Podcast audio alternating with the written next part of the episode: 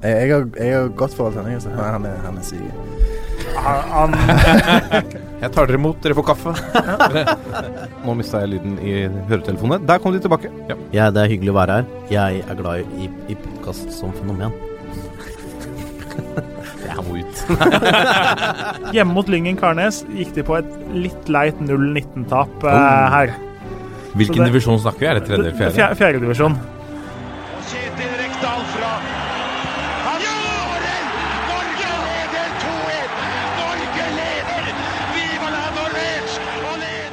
Og der er toppfotball tilbake igjen. Vi har rigget oss i hjemmestudioer eh, på, eh, på Dal, eh, i Fettsund, på Strømmen, på Sankthanshaugen i Oslo. Nå er vi altså rigget og klare for å prate om norsk ball. Selv om norsk ball, sammen med så mye annet, sover litt akkurat nå.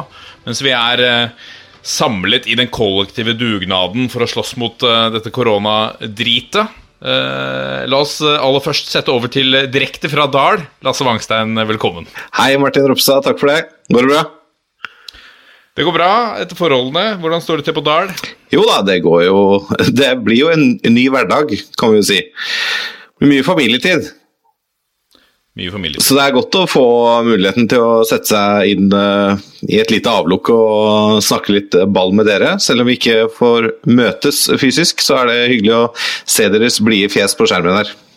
Absolutt. absolutt. Jeg hadde jo eh, jeg hadde en liten turné. eh, Turné det Romerike. eh, Tour det Romerike her eh, i forrige uke. Jeg fikk eh, æren av å besøke deg på, på Dal, på, eh, i huset ditt der, eh, i Åvarende. Ja. Åvarende. Mm, det gjør det. Det er sportslig klang over det, selv om det ikke er fotball, i hvert fall. Ja, det vil jeg si. Vi kan jo, kan jo koble inn Bjørn Wirkola, kanskje, da, for han spilte vel både fotball og hoppa på ski, så da blir det jo litt fotball inn i det. Godt å se i hvert fall at uh, det var uh, to små mål ute i oppkjørselen eller eh, i gården der, sånn at du har mulighet til å praktisere og holde treninga di ved like. Ja, de, de er blitt hyppig brukt de siste dagene. Gutta er ganske ivrige på å spille fotball eh, mot pappa. Førstemann til 20. Nydelig. La oss da en, ta en glidende overgang til, eh, til eh, fra breddefotballen eh, på Dal, eh, i oppkjørselen til Lasse, til toppfotballen på Strømmen stadion. Ole Martin Estelquist, er du der? Her er jeg, vet du. Det er eh, godt å være tilbake i podkastverden etter eh, ja, noen spesielle uker. Ja, det er det. For, eh, hvordan står det til på, på stadion her nå? Sitter du i et avlukke helt aleine? Har du minimal kontakt? Og hvordan står det til med Bobo oppi alt dette? Jeg sitter på kontoret mitt og sitter her aleine. Stadion er jo eh, stort sett stengt, så det er ikke så mye folk her. Eh, Bobo går det heldigvis bra med. Han eh, er innom her, og vi sitter ute og tar noe kaffe innimellom eh, med god avstand mellom oss og i friluft. Så ting, eh, ting går bra her, selv om vi, vi savner hverdagen.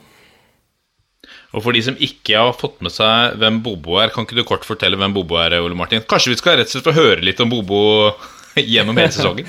Ja, det blir jo gjerne sånn, og du, drar den jo opp hver eneste episode, og det er jo stas, det. Bobo er jo, er jo eh, norsk fotballs eh, største materialforvalterlegende, vil vi si er på Strømmen. Da. Han har eh, vært med på Strømmen siden 84 og vært med på alt av treninger og kamper siden den tid. Aldri fått en krone for det. Og har vel sånn raskt regna pumpa rundt en 400 000 baller og vaska en 600 000 drakter, så han, han har gjort sitt. Det er vakkert. Jeg gleder meg Kjenner jeg gleder meg til å høre litt uh, stories fra Bobo formidlet fra, fra deg i løpet av sesongen, Ole Martin.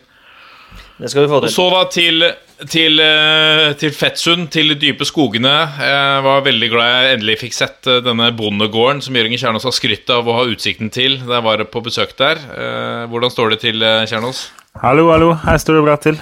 Om det er så dypt inne i skogene, veit jeg ikke, men det, det får nå så være. Ja, det, litt- det var litt ute på landet, i hvert fall. Ute på landet er det definitivt. Ja, ja. Men det var, det var nydelig, ass. Stille og rolig. Ja, er dere, er dere klare, da? Skal vi rett og slett banke i gang med, med sendinga? Vi, vi må jo snakke litt om korona i denne sendingen nå, selv om eh, vi skal forsøke å holde det til det minimale. Alle disse Det er mye, mye ord som har blitt sagt knyttet til dette, men det er klart at det pågår diskusjoner hele tiden om, om konsekvenser. Og, og i Pulsen skal vi jo snakke litt om hvordan, våre forslag og en diskusjon til hvordan vi kan gjennomføre årets sesong. Um, vi skal uh, sette opp en elver bestående av de største talentene som vi mener under 23 år i Eliteserien og Obos. Og vi skal snakke litt om uh, kontraktsituasjonene nå når koronaen er over oss. Hva skjer når klubbene permitterer spillere? Kan de bare plukkes av hviterussiske klubber som er i sesong? vi skal ha litt breddenytt, skal vi ikke det, Jørgen? Ja, det- Kjernås, skal vi ha breddenytt? Ja, det blir, det blir ikke så all verden der heller. Det skjer jo ikke så mye der heller, men eh, ja. Du har litt. Bitte litt. Det er godt å høre. Uh, i, uh, I spalten som foreløpig heter Nesselquist. Uh, i, I mangel på, på nytt spaltenavn så skal eh, Ole Martin fortelle oss litt hvordan det står til på innsida av en fotballklubb nå i koronakrisen. Eh, og så har vi en rekke lytterspørsmål mot slutten. Nå må de faen meg skjerpe seg, så kommer jeg å river hodet av hver enkelt av dem.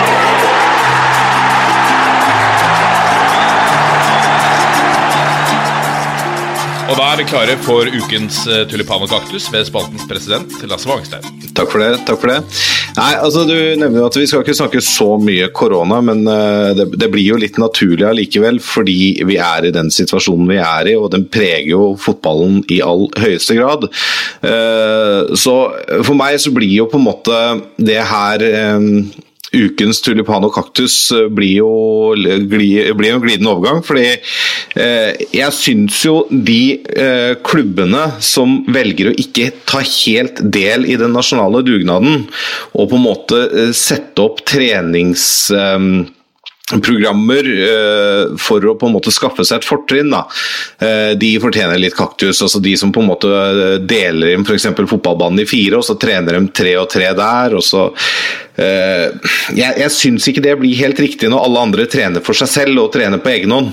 Eh, og det er uansett om man er permittert eller ikke, men eh, det er en grunn til at disse rådene har kommet, og da syns jeg man skal forholde seg til de rådene. Og de klubbene da som ikke gjør det, det de syns jeg på en måte mister litt grann av ja, det, det, er litt omdømmesvekkende, da, for, å- for det virker jo som de gjør dette for å prøve å skaffe seg et sportslig fortrinn til eh, når sesongen en eller annen gang begynner igjen. Og da, eh, i det, så er det jo eh, selvfølgelig positivt at det er folk som står opp mot det og sier ifra. Altså, Jørgen Isnes i Koffa og og Simon Mefsin i eh, LSK har jo vært ganske tydelig i sin kritikk av det. og Det er jo klubber som da ikke direkte konkurrerer med de klubbene som kanskje utnytter seg av denne, disse smutthullene i eh, formaningene fra, eh, fra myndighetene. Eh, For det er vel, eh, så vidt jeg har forstått, så er det i hvert fall en klubb i Trøndelag og en klubb eh, på, i Møre som heter Molde, altså Rosenborg og Molde og Kristiansund, da, som i hvert fall har litt sånne økter. Om det har vært noen endringer på det de siste dagene, det vet jeg ikke. Men vær så snill nå, da. Altså, denne smitten smitter visst mellom ting også. Så en ball du header Hvis du er smitta, da kan du smitte nestemann. Ikke sant? Så um, selv om du bare trener med, med to andre lagkompiser, så vær så snill å bli med på dugnaden ordentlig nå, og så får vi heller samles til trening igjen når det åpnes for det, tenker jeg da. Men vil det si at du ikke stoler på forklaringen som, eh, som de ga bl.a. Rosenborg, at det var helt tilfeldig at eh, gutta møttes samtidig? Ja, altså det, Jo, men altså det, det kan godt hende at det var det at det var helt tilfeldig at gutta møttes tilfeldig, men det virker veldig Altså Det er vel noen klubber til og med som har, nesten har lagt opp til treninger i eh, fem og fem. Ikke sant? Og da er det jo ikke tilfeldig. Når du legger opp til det, når du legger til rette for det. Ikke sant? Så jeg, jeg syns at uh, altså dette er, Jeg mener dette er alvorlig, da. Det er det situasjonen vi er i. Så ta hver ansvar bevisst. Og, og fotballklubber er forbilder for mange små og store. Og hvis da de heltene, altså de som har Rosenborg eller Molde eller Kristiansund som helter, da ser at de trener i fem og fem, ja, da møtes de fem og fem da, og spiller fotball. Så har du det gående. Da tar det lengre tid å få bukt eh, med det her, og så eh, har vi det gående. Så mm, det er den ene kaktusen, og den andre kaktusen går litt til måten det virker som NTF NFF har prøvd å på en måte ja, altså Det som Jonathan Tolles Nation var inne på i en tweet her for noen dager siden, da, eh, at de bruker advokater for å på en måte mm, drive litt skremselspropaganda mot eh, spillere som eventuelt vurderer å, å finne seg noe annet å gjøre når de blir permittert. Og jeg tror ikke det skjer, for det, jeg tror de spillerne som eventuelt velger å gå etter penga et annet sted i en permisjonsperiode, kommer til å bli så uglesett uansett at uh, jeg tror hvis man gjør det på en ordentlig måte da, at, uh, altså, og Det også, samme gjelder jo også sånn kaktusmessig de klubbene som permitterer bare noen spillere, men så verdsetter de fire-fem Hei Haugesund, uh, spillere som gode salgsobjekter. Det tror jeg skaper veldig dårlig stemning i en spillersal. Det er enten alle eller ingen. Og så skjønner jeg at de som tjener under 75 000, altså 0,75 G, de kan slippe unna, og det syns jeg er helt innafor. Men at du liksom skal verdse... Og da, de som da blir permittert, da, hvor verdsatt føler de seg oppi dette? Og da, de kan jeg forstå at det kanskje ser seg om etter noe annet, men i klubber hvor alle blir permittert, da tror jeg ikke det kommer til å skje, for jeg tror alle på en måte har lyst til å, å komme tilbake og, og gjøre det bra for den klubben de er i. da. Eh, så jeg, tror ikke det er en sånn umiddelbar fare at eh, det blir spillerflukt overalt.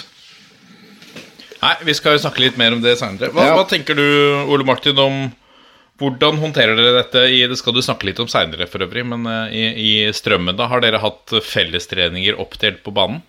Nei, nei, men vi har jo ikke fått lov til det. Men det er jo det, er jo det som Lasse er litt inne på her òg. For én ting er de klubbene som kanskje har forsøkt å utnytte seg litt av eh, reglene, eller eh, hvorfor det er gjort som det er gjort, det veit ikke jeg. Eh, Men det som var problemet her i starten, var jo at NTF og NFF åpna opp for at det var lov med gruppetrening, men så hadde du en situasjon hvor det i Oslo og Lillestrøm kommune eksempel, ikke var lov å være på fotballbaner i det hele tatt. Og da blei det forskjeller, da. Så mens f.eks. FKH hadde egentlig lov til å kjøre noe gruppetrening ute på banen, så fikk fikk ikke vi lov til å trene det, i det hele tatt. Og det var jo da annet Isnes da, og, og Grorud og vi annet var inne og sa at det må komme noen felles kjøreregler for alle her. For uansett hvor stor klubben er, så må dette være likt for alle nå. Og, og de føringene bør legges av Helsedirektoratet og FHI. Vi, og så får vi bare rette oss etter det. Ja. Var det på en måte eh, både tulipan og kaktus? Nei, for det, tulipanen i det går jo til de som tør å stå opp mot det her, da. Ja, både, både den der eh, skremselspropagandaen fra NTF, NFF og noen klubber, på en måte, altså type Jonathan Tolles Nation, som var ganske tydelig og ble fulgt opp av NISO bl.a., og, og kanskje også gutta i Spillerådet, hvis man har hørt den siste podkasten der. Eh, og Team Efsin og Isnes og den gjengen der som på en måte sier ifra at det her syns vi ikke er greit, nå må vi eh, alle være med på dugnaden ordentlig, ikke sånn litt. Så det de, det er de som får til lupanen, de som faktisk eh, sier ifra at dette syns vi ikke er greit, og sånn gjør ikke vi det. For nå skal vi faktisk være med på denne dugnaden. Den, men eh, når det er sagt, den aller største tulipanen den går til Stabæk for den eh, blå dugnaden den bør, hvor de setter spillerne i hermetegn i arbeid i perioden nå for å eh, bistå i lokalsamfunnet. Hva er det, hva er det Stabæk har gjort, da? Eller hvordan de er satt i arbeid? Hva er de Nei, De er jo ute og bidrar litt i lokalsamfunnet, da. kanskje til folk som ikke får til f.eks. å dra på butikken selv, eller andre ting. Eh, og, og rett og slett eh, for å aktivisere spillerne litt, eller holde de litt eh, hva skal vi si, i arbeid på en måte. Eh, og det er jo tiltak som jeg syns er meget, meget bra. Nå kommer pulsen. Og da er vi kommet til pulsen, og vi skal begynne pulsen ved å holde fortsatt litt i, i koronaen, fordi vi stiller oss jo eh, spørsmålet hvordan skal vi gjennomføre årets sesong? Det er eh, liga rundt omkring i, Europa da, som, eh, som lurer på det samme. Spørsmålet er om, om Liverpool skal frarøve sitt ligamesterskap. Enkelte håper jo på det, selvfølgelig. Um, det er spørsmål rundt hvordan skal oppstarten av norsk eliteserie fungere. Skal vi avlyse cupen? Skal vi spille gjennom sommeren? Hvordan skal Jeg har til og med sett eller hørt spillere foreslå at dette er vår mulighet til å flytte hele den norske sesongen slik at den passer med resten av Europa. Eh, I det hele tatt, her er det helt sikkert eh, mye delte meninger også i denne redaksjonen. Så Eh, mine herrer, Jørgen, har du gjort deg noen tanker på hva som er det, det beste, den beste måten å gjennomføre årets sesong på? Ja, det, men det er klart altså, det er jo ekstreme mengder med hvis og om og at. Men eh, hvis vi tenker oss at det som jo nå er utgangspunktet nå med at 23. mai, da er det mulig å starte, da er det fullt mulig å gjennomføre en norsk sesong. Eh, at det er Nations League, og at det er Europacup og at det er et NM som skal arrangeres samtidig, gjør jo ting litt mer kronglete. Jeg tror man sliter litt med å tenke at man skal få til alt. Så gjenstår det jo da å se om Nations League blir uh, arrangert sånn som det er planlagt, uh, med tre da dobbeltrunder til høsten. Da sliter vi veldig med å få til alt det andre, så da frykter jeg, eller tror jeg, at cupen er nødt til å ofres i så fall. Fordi du er nødt til å gå ut fra at noen norske lag kan havne i NM Nei, kan havne i Europa-cupspill, i gruppespillet der. Så altså, serien må gå foran, og samtidig så må vi få til Europacup og landskamper hvis det blir spilt som vanlig. Så hvis vi starter da i mai, eventuelt i juni, så skal det kunne gå uten for mye kjas. Men jeg tror ikke vi får se noen norsk cupfinale spilt på Ullevål i løpet av det kalenderåret her. Hva er din tanke rundt det, Ole Martin? Eh, avlyse cupen må være første gang siden krigen. Ja, det er det jo, men jeg også tipper at det er det som skjer. Jeg tipper at cupen utgår, og at man da flytter en europaplass inn i ligaspillet.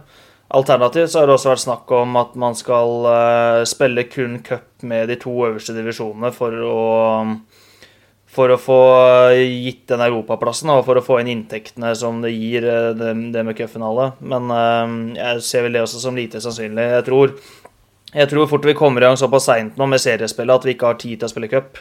Og at det heller blir øh, seriekamper de datoene det er lagt opp til cupkamper, og at du feier gjennom så mye som mulig på så kort tid som mulig, sånn at du er ferdig med sesongen i november-desember. Men sånn for min del så hadde det ikke vært noe krise å og spilt sesong til februar neste år heller. Også hatt uh, tre uker fri. Også en vanlig internasjonal oppkjøring, da, og starta serien i april. Men ja, vi får se hva som skjer, men jeg tror cupen ligger tynt an, ja.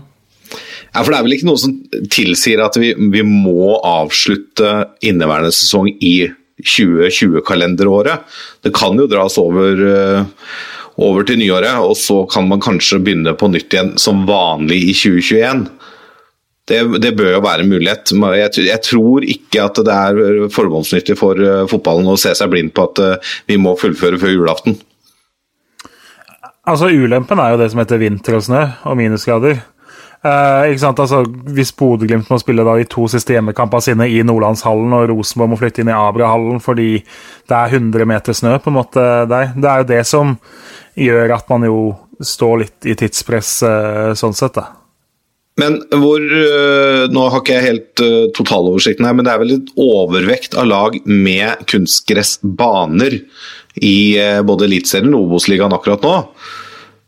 Så, og det, det vil, altså, man må gjøre noen hva skal jeg si, Det kommer til å bli noen tiltak her som ikke blir 100% rettferdige, men det tror jeg man må gå litt kompromiss på ting her. Men eh, kanskje legge opp til da, at de kampene som kommer i perioden hvor man risikerer dårligst vær, blir spilt på kunstgressbane. At man på en måte gjør ferdig gresskampene innen en viss tid. Hvis det lar seg gjøre, jeg vet ikke. Eller om, altså, jeg, jeg har ikke peiling, men eh, jeg syns jo det er veldig synd da hvis cupen ryker, men jeg syns også det er det mest fornuftige. For den, altså det er sju runder her, vel, men det, det, er, det, er, en logistikk som skal i mål her. Og jeg er glad jeg ikke har den jobben akkurat nå med å sette opp et eventuelt nytt serieoppsett. Altså. Men Ole Martin, kan Hva ville du sagt hvis, hvis vi spiller på en måte serie- og cupspill, og det er ferdig i januar 2021, og så skal du gyve løs på en ny sesong i, i forhåpentligvis da Obos-ligaen, eller i, i, eh, i Eliteserien kanskje, da. Uh, I, uh, i, ap ja, i april. Altså hvor Tre måneder oppkjøring. Hva slags sportslige og fysiske konsekvenser kan det få for et fotballag?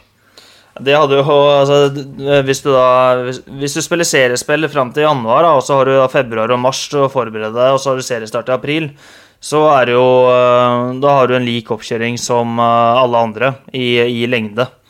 Så eh, det oppkjøringa hadde egentlig bare blitt bedre, i mine øyne, av det. For vi har hvis vi er ferdig midten av november, og så har du hele desember måned, og så har du januar, februar og mars, og så skal du spille serie, det er mye tid.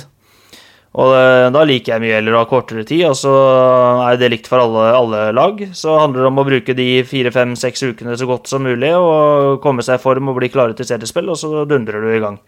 Og det, jeg tror også det hadde vært eh, ok for interessen, jeg. For jeg tror, eh, tror det er mange som mister litt interesse òg når du skal gå i fem måneder på vinteren og vente på neste seriekamp. Så skjønner jeg argumentene for at det er sånn i Norge, med vinter og vanskelige spilleforhold, og det er kaldt og, og alt det der, men eh, jo lengre pause, jo dårligere er det, da, mener jeg. Jeg har jo sittet og sett litt på breddefotball nå, for nå har jo I Sverige har de jo bestemt at nivå 3 og nivå 4 skal starte med enkel serie fra midten av juni. Eh, jeg håper jo ikke vi lander på det i Norge. Det, altså, ikke sant, enkel serie er jo med tanke på liksom hvor kort sesongen blir og alt sånt. Du skal liksom rykke ned til å ha spilt 13 kamper, og så er du uheldig med på en måte å- altså. ja, ikke sant? Jeg sy det, det er ingen som syns det er helt tilfredsstillende, på noen måte, så jeg håper jo vi får 26 kamper. Eh, starter vi da liksom midten av juni, vi òg, så er det jo mulig, men da må det noen midtukekamper til. Og da er det sånn Det er veldig dumt å sette opp Skjervøy mot et lag fra Oslo på en onsdag klokka seks. Da, på en måte. da må du ha et skikkelig terminlistesamarbeid hvor det kun på en måte er korte turer som spilles i de fire-fem midt midtukene der òg, da for å få det til å gå opp. Uh, og jeg tror jo klubba vil være innstilt på det òg, men uh, sant, det er jo mye uvisse, og det skal bestilles flybilletter, og det skal planlegges, og det er ofte oppgaver som gjøres av folk som ikke nødvendigvis har det som jobb, men som har det som dugnadsarbeid, det- det òg, da. Ja. Lasse? Ja, jeg bare har et spørsmål til eh, Ole Martin, da, oppi det her som er på en måte toppfotballtrener. Hvordan stiller dere dere til å spille da kamp søndag, onsdag, søndag, onsdag, søndag, onsdag i en periode på si 20 uker? da? Er det, er det, lar det seg gjøre over så lang tid, eller bør det da legges inn noen perioder hvor man får en uke eller to mellom kamper? Altså Det blir jo noe naturlig pga. landskamper, sannsynligvis, men eh, at man i all hovedsak, når det er seriespill, spiller eh, to kamper i uka. da. Det er jo ikke optimalt, men så tror jeg jo at eh, det optimale må man liksom gå vekk fra i år. Og så handler det om å få spilt de 30 kampene. Eh, Og det må være førsteprioritet, det å få gjennomført sesongen. For hvis ikke vi får gjort det, så eh, vil jo konsekvensene være enorme. Hvis ikke man får gjennomført sesongen, så tror jeg man snakker om at flere av toppklubbene går konkurs. Norsk fotball vil få, få økonomiske problemer, forbundet vil få det. Så det må liksom være førsteprio. Og da er det jo sånn at må man spille to kamper i uka, så gjør man det. Og da er jo jeg, tror jeg, at man fort vil få et enda større skille da, på de klubbene som har stor bredde, og de klubbene som har liten bredde i stallen. Eh, For eh, en ja, Sammenligne oss med Lillestrøm, for da, som har en betydelig større stall enn oss, og eh, skal i hvert fall ha et gjennomsnittlig høyere nivå i stallen sin, hvor de har vel en 20-20 mann som kan spille Obos-ligaen. Vi har kommet også på et bra nivå, vi òg, men vi har ikke den samme bredden. Eh, Så vil jo den forskjellen kanskje bli større. Men eh, jeg spiller mye eller to kamper i uka for å gjennomføre sesongen enn å ikke gjøre det.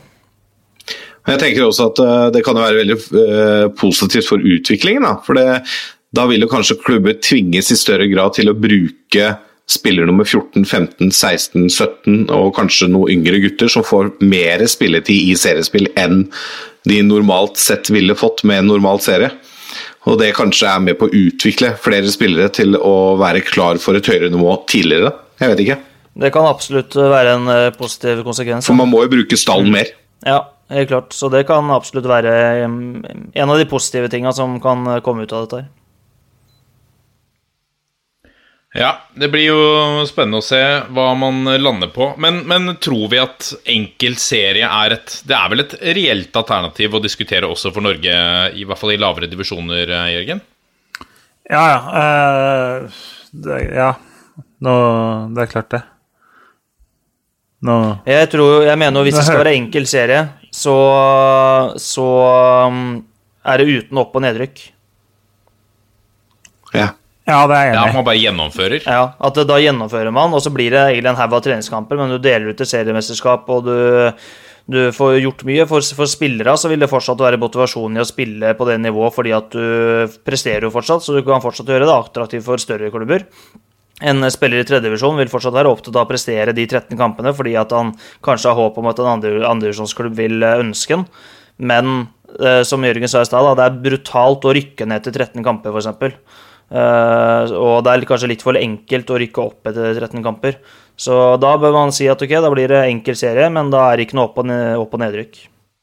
Men er det ikke drepen for publikumsinteressen med 13 ubetydelige kamper? Det er jo ikke så veldig lenge siden det var klart Da man la om seriesystemet, så gikk det jo an å rykke ned fra tredje divisjon, men det gikk jo ikke an å rykke opp, da. Eh, Så du hadde jo klubber da som allerede i august egentlig hadde berga plassen og hadde null å spille for de siste seks hjemmekampene, på en måte. Eh, Folk kom jo så Lyn likevel. Men det er klart, det er jo ikke, ikke optimalt. Altså, Fotball du skal jo ha noe å spille, om. Det blir jo forfina treningskamper, på en måte, i så fall. Ja, men jeg, jeg syns ikke man bør gjøre det, i hvert fall i de to-tre øverste divisjonene i Norge, og spille enkel serie. Uten opp Jeg kan aldri se for meg at de skisserer. Det er så mye inntektstap. Ja, det er akkurat det, men liksom litt nedover. Altså tredje, fjerde, femte, sjette divisjon, hvor kanskje ikke det er publikumsinteressen som er den store driveren uansett for å drive med den fotballen, så kan det være et alternativ for å holde aktiviteten i gang og få gjennomført noen kamper. Og så, ja, de har seriemesterskap å spille om, da. Du blir seriemester i fjerde divisjon. Øh, Så det, det er noe å spille om. Og så får man jo vurdere på en måte For det, det er jo vanskelig å få det rettferdig. Hvis det skal spilles 13 kamper, da, så er det noen som får sju hjemmekamper og noen som får seks. Det blir feil, det òg. Sånn er det. La oss eh, la eh, korona ligge litt inntil videre. Vi har, eh, vi har satt oss som mål å ta ut en elver i, i Eliteserien og Obos-ligaen med de beste spillerne som er yngre enn 23 år. Eh, Dette er jo en, eh, et godt eksempel på en eh, type aktivitet som florerer nå i, i sosiale medier, hvor man blir bedt om å liste opp det ene og det andre. Eh, Var det en tøff oppgave, Wangstein? Ja, det, det syns jeg det er. fordi at Nummer én, for jeg har ikke så oversikt over alt som rører seg i Obos. Og det er jo ikke alle spillere i Eliteserien heller i det aldersnivået som jeg tenker at eh, Oi, eh, han har jeg full kontroll på. Eh, Da bør de kanskje allerede ha vist seg fram en del eh, i fjorårssesongen f.eks. Men eh, jeg skal vel klare å hoste fram et navn eller to, og så kan det jo også hende at de kommer fra en eh, viss eh, bydelsklubb i Oslo. Heh. Skal vi begynne rett og slett, skal vi begynne med Obos-ligaen? Eh, Jørgen, hva er eh, Har du sett deg ut noen formasjon på det laget du har satt opp, eller? Ja, både og. Det blir jo litt sånn når man skal stappe inn spillere der, så prøver man jo å få det til å passe. Men eh, altså I begge av divisjonene, og kanskje spesielt Eliteserien, så sitter jeg litt sånn at det er veldig mye midtbanespillere man egentlig har lyst til å dytte inn, og så Så er jo det litt med på en måte typen spillere, at de kanskje er litt mer blikkfang enn de du finner på høyrebekken, da. Så, men ja, det har, det har blitt noen formasjoner som gir sånn OK mening, hvis det går an å si det sånn. På keeperplass, da? Hvem, eh, hvem klare alternativer har vi der? I Obos nå, sant? Vi begynner med Obos. Nei, altså, jeg har jo først og jeg har prøvd å se på de som er født på 2000-tallet. Jeg syns de som begynner å bli 2-23, på en måte, da eh, er litt forbi den. Uh, og så har jeg tenkt mest på framtid, uh, og da er Håvard Hetle i Sogndal den som er den som jeg tror kan nå lengst, da, som nå tilhører en uh, Obos-ligaklubb. Han er født i 2003, men jo, har jo hatt fysikk som en voksen mann sannsynligvis siden han gikk i barnehagen. Så en massiv keeper Altså, han er, er jo en voksen mann kroppslig. Og er en keeper man har kjempetro på i Sogndal, og som jo er et klart førstevalg på aldersbestemt landslag. Eh, Det er, det, er, det er vanskelig å være keeper og liksom spå hvor veien går, fordi du skal treffe på klubb og få spilletid i riktig alder og sånt, men at det er en keepertype som potensielt kan bli en skikkelig, skikkelig god keeper, det er jeg ikke i tvil om. Hva tenker du om han, eh, Ole Martin? Gruer du deg til å møte eh, mannen i mål i, i, i, i Sogndal? Nå tviler jeg på at han kommer til å stå når vi eh, møter Sogndal. Da skal i hvert fall Rensefei være skada eller ha karantene. Eh, men eh, han er jo en spennende keeper. Han har sett ham i noen U-landskamper, og han er jo, som Jørgen sier, en eh, veldig voksen keeper for alderen og har- litt den herre Jeg bruker ofte begrepet keeperkarisma, da. Det er noe helt eget. Og den syns jeg han, han har til å være så ung at han tar litt plass. Han krever plassen sin inne i 16-meteren. Du hører han godt, og han, han eh, fremstår som litt gæren. Og det, det skal du være når du stiller deg bakerst der, så det er ikke noe dumt innspill, eh, det, altså. Er det andre som har andre keeperkandidater enn Håvard Hetle? Altså, I idealversegmentet der så har du jo Emil Ødegaard i Grorud, da, på lån fra LSK, som er en, eh, også en veldig spennende keepertype. En litt annen keepertype enn eh, enn, eh, Hetle, men eh, han også bør vel nevnes i en eh, sånn diskusjon. Eh, kan nok også bli en veldig, veldig bra keeper etter hvert. Spennende. Keepere, unge keepere i Obos-ligaen, der er jeg, jeg ganske liten oversikt. Det må jeg bare krype til korset og innrømme. Um, Det er ikke så mange av de, så det kan, Nei, kan ha noe med det å gjøre. Det er jo Keeper i Obos-ligaen er ofte midten av 20-åra eller eldre og har litt eh, kjøtt på beina. Så mm. vi går, eh, men Da klubber vi Håvard Etle, og så har vi nevnt Emil Ødegaard. Ja, altså, det kommer jo an på hvor langt sikt man tenker på. Altså, For min del, Ødegaard er jo en kanonkeeper, men eh, han er født i 99, da. Jeg valgte å være litt sær og kun se på de som er født dette årtusenet. Men eh, Ødegaard er jo et soleklart førstevalg. Han er landslagskeeper, og han er en kjempegod keeper. Så tenker for 2020, liksom, hvem du bør se opp for i 2020, så er jo Ødegaard klart foran. Men uh, om 15 år, da, så holder jeg Hetle foran når du skal se tilbake på karrieren deres, sånn ting er nå. La oss begynne, la oss gå videre til neste lagdel i, eh, i eh, Forsvaret. Så har jeg lyst til å Altså eh, generelt, da, når vi satt og, nå vi allerede plukket ut en Sogndal-mann. Generelt da jeg satt og, og researcha til denne oppgaven, så er, eh, er det en klubb som går igjen mye for meg, og det er Sogndal. Eh, Det er mye, mye talenter. Jeg skal ta en med en gang. eh, Godeste Eirik eh, Lereng, som har eh, gikk rett inn på laget i, i fjor høst. Spilte fast etter å fikk vel kontrakt eh, på sommeren der, etter å ha dominert for Sogndal 2.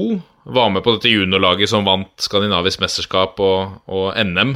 eh, og, og har vært en, en, en bauta siden han kom inn. Er det er det noen motforestillinger rundt Eirik Lereng? Vi skal jo ha fire forsvar, kanskje, eller? Ja, altså Motforestillinga heter altså, Josef Bakai, hvis du tenker på Lereng som venstrebekk, da.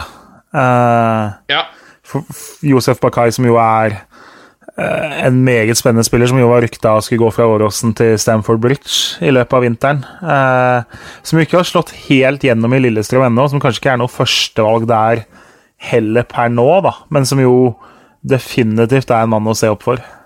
Lering er jo, skal sies han, eh, At han fortsatt spiller fotball, det er bare flaks, for han ble grisetakla her på Strømmen stadion i fjor eh, av eh, vår spiller Mathias Blårud, som var litt uheldig i en situasjon. Og Ikke meninga å være stygg, men der er Lering heldig at ikke eh, det beinet fortsatt står igjen ute på kunstgressbanen her. Um, Blårud uheldig? Han, han, Blårud var uheldig, ja. Han, går jo inn tøft, men han går jo aldri inn stygt. Men der bomma han litt på timinga. Og så, det verste er at det blir ikke frispark engang. Så Den største prestasjonen i denne kampen her er at dommeren ikke, altså ikke viser ut eh, Blårud der. Så Der var vi griseheldige.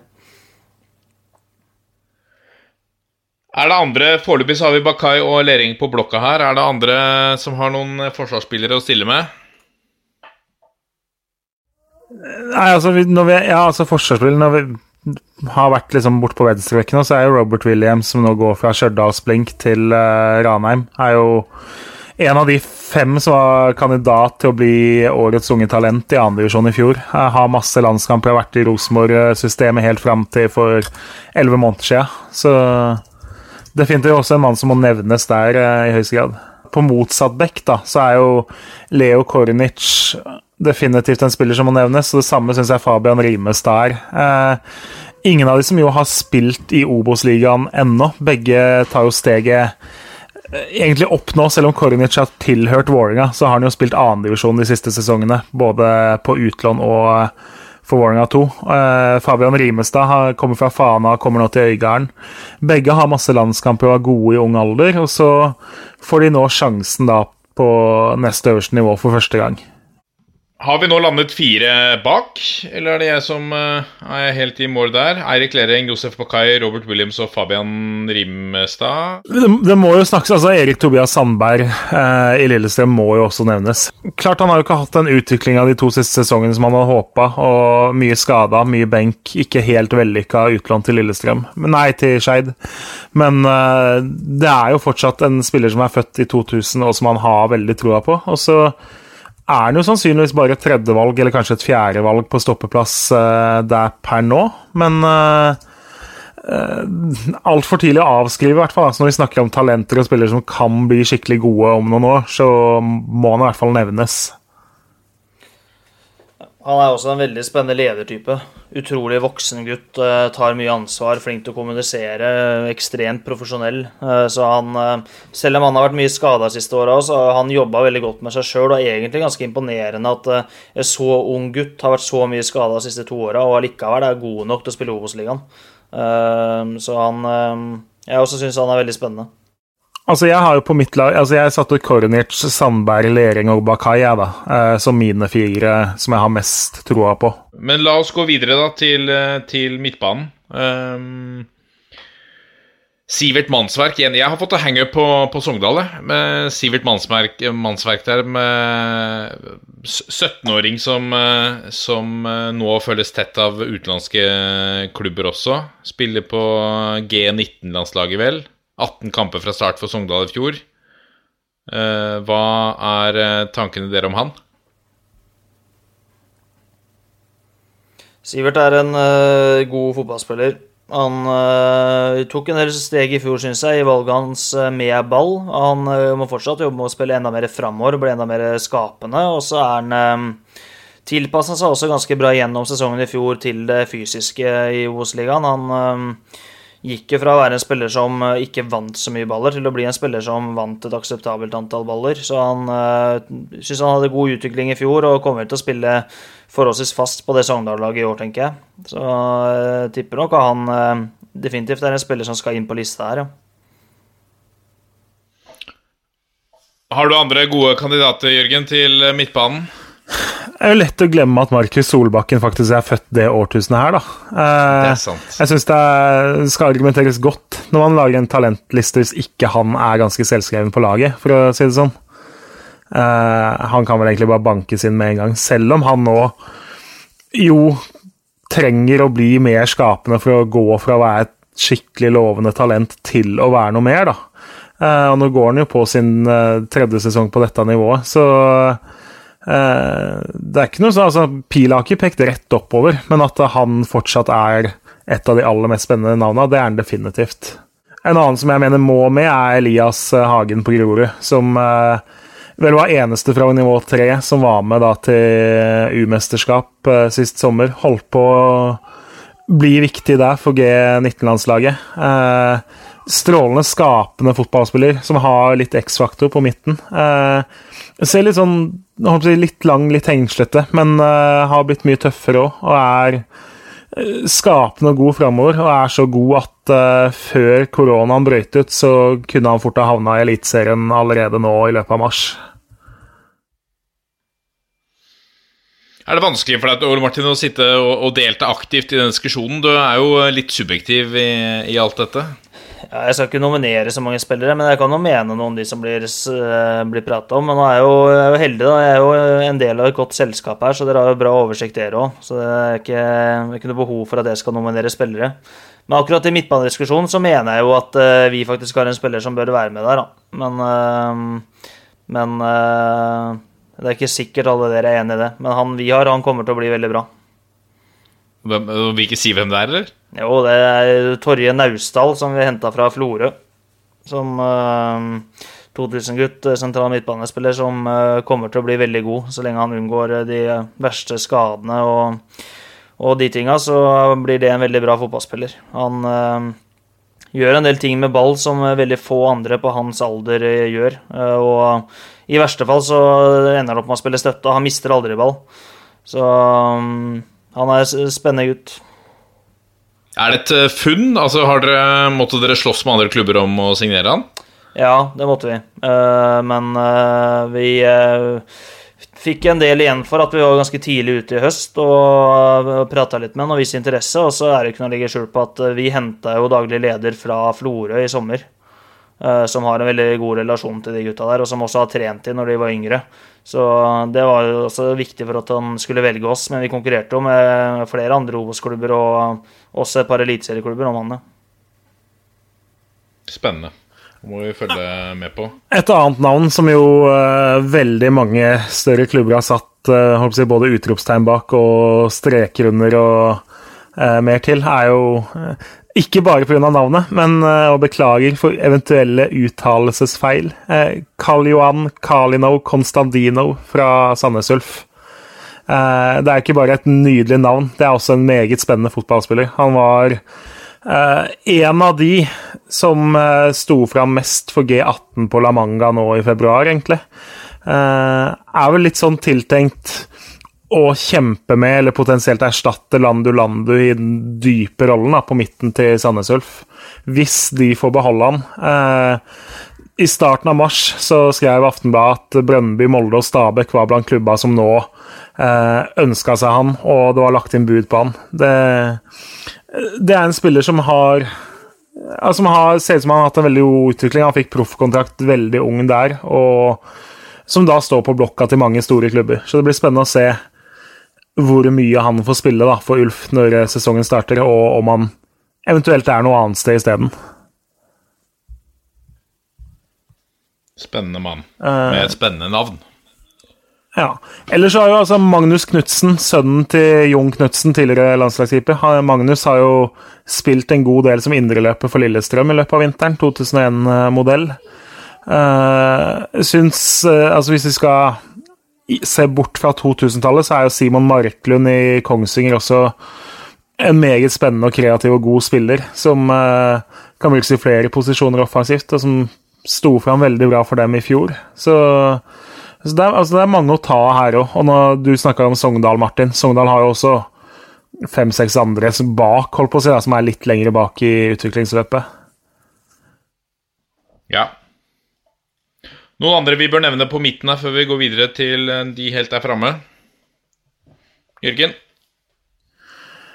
Nei, nå har jeg, jeg Sannsynligvis, men ingen jeg holdt på å si jeg har, for være, altså jeg har jeg har ikke brukt timevis akkurat på Obos-ligaen. Det har uh, hjemmeskole og sånn. De som ikke har unger, de veit ikke hva, hvordan hjemmeskole er, for å si det sånn. Uh, jeg føler jeg har mye mer fritid når jeg er på jobb, og jobber 15 timer om dagen, føler jeg. Det, så ja, gudene veit. Men, eh, men at det er mange litt spennende breddefotballkunnskap da, i hjemmeskolen. Ja, vi prøver på det, vet du. Nå, eh, vi, har, vi kjører litt gym hver dag. Det er viktig, det. Regne ut uh, tabeller og litt sånne ting. Det er relevant kunnskap. Men la oss gå videre til angrepet da i, i Obos-ligaen. Hva, hva har vi, Kjernås? Nei, eh, nå høres det jo veldig lite kreativt ut å skulle gå til Sogndal igjen, da.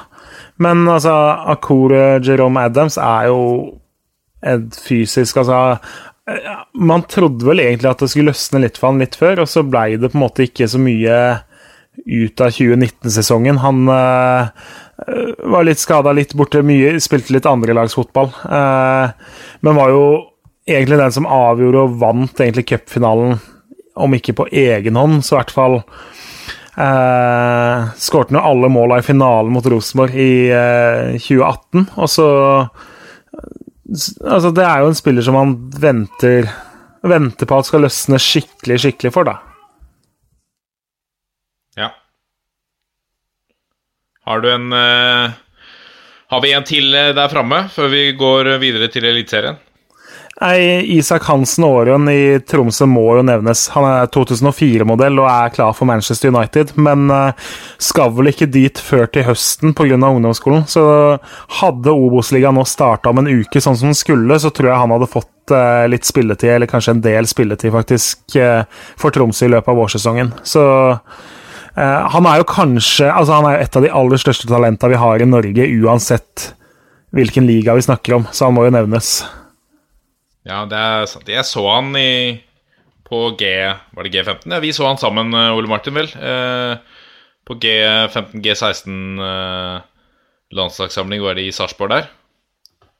Det var litt tydelig at man kunne, man kunne gå inn der og så ikke vite hvem noen var, og så så man at han hadde et litt annet nivå. Han var litt lengre framme både på orientering og uh, spilleforståelse enn de andre spillerne. Ja, han uh det er jo en grunn til at han eh, er litt bedre enn de andre, og det, det så man jo der òg. Og det blir spennende å se. da, Nå velger han å gå akademiveien og dra ut tidlig. og Det er jo noen som har lykkes veldig godt med det, og så er det noen som har mislykkes med det. og Det er ikke noe fasit på det der heller, men det blir, det blir spennende å se om en fem-seks år hvordan det har gått for han, og hva det har blitt. Jeg, jeg tror han kan bli veldig bra. Men Du nevnte at dere kanskje hadde en også, Ole Martin? Ja, jeg mener jo det, da. Jeg mener jo at vi har henta Lasse Nordås fra Lillestrøm junior uh, i vinter. En 2002-gutt som er um, uh, Har en un, veldig sjelden kombinasjon av sinnssyk fysikk og veldig gode ferdigheter med ball. Uh, så han er jo um, allerede nå altså Hadde, serien starta som han skulle nå, så hadde han vært i en diskusjon om å starte for oss i Obos-ligaen. Eh, som 02-gutt og kommer til å få minutter. Han og kommer også garantert til å levere målpoeng, for han eh, har en skummel venstrefot og har skåra noen mål nå i treningskampen òg. Blant annet eh, skåra han det ene målet vårt mot 08 i den treningskampen der og viste at han i den matchen der kan komme til sjanse mot ganske gode stoppere. Så det er en spennende gutt som jeg tror fort kan få et gjennombrudd om ikke så veldig lenge. Jeg må jo, før vi avslutter, så må jeg dra inn tre mann fra Grorud i tillegg. Eh, eh, Safaris skulle vi nevnt på midten, som jo er G17-landslagsspiller, som de signerte fra Vålerenga. Eh, Vålerenga ville jo beholde han i vinter, men han så på en måte som, på Grorud som et bedre steg i karrieren nå. Eh, kort vei til A-lagsfotball. Kan Eller kommer trolig til å få en del spilletid der. Eh, og er jo en sånn Altså, han ser han er ikke så stor av vekst, men altså skikkelig sånn jordfreser og gir alt for å komme opp i uh, duella, og som er stødig med ballen. Så har de jo Oskar Aga, som de nå har henta tilbake fra, nei, fra Stabæk igjen. Eh, som ikke for så mange sesonger siden jo var et kjempetalent for Stabæk, og så har ikke ting løsna for han helt ennå, sånn som eh, Sånn som han har håpa der, så da nå får han sjansen på nivå to. Istedenfor i fjor så var det mye tredjedivisjon i Stabæk.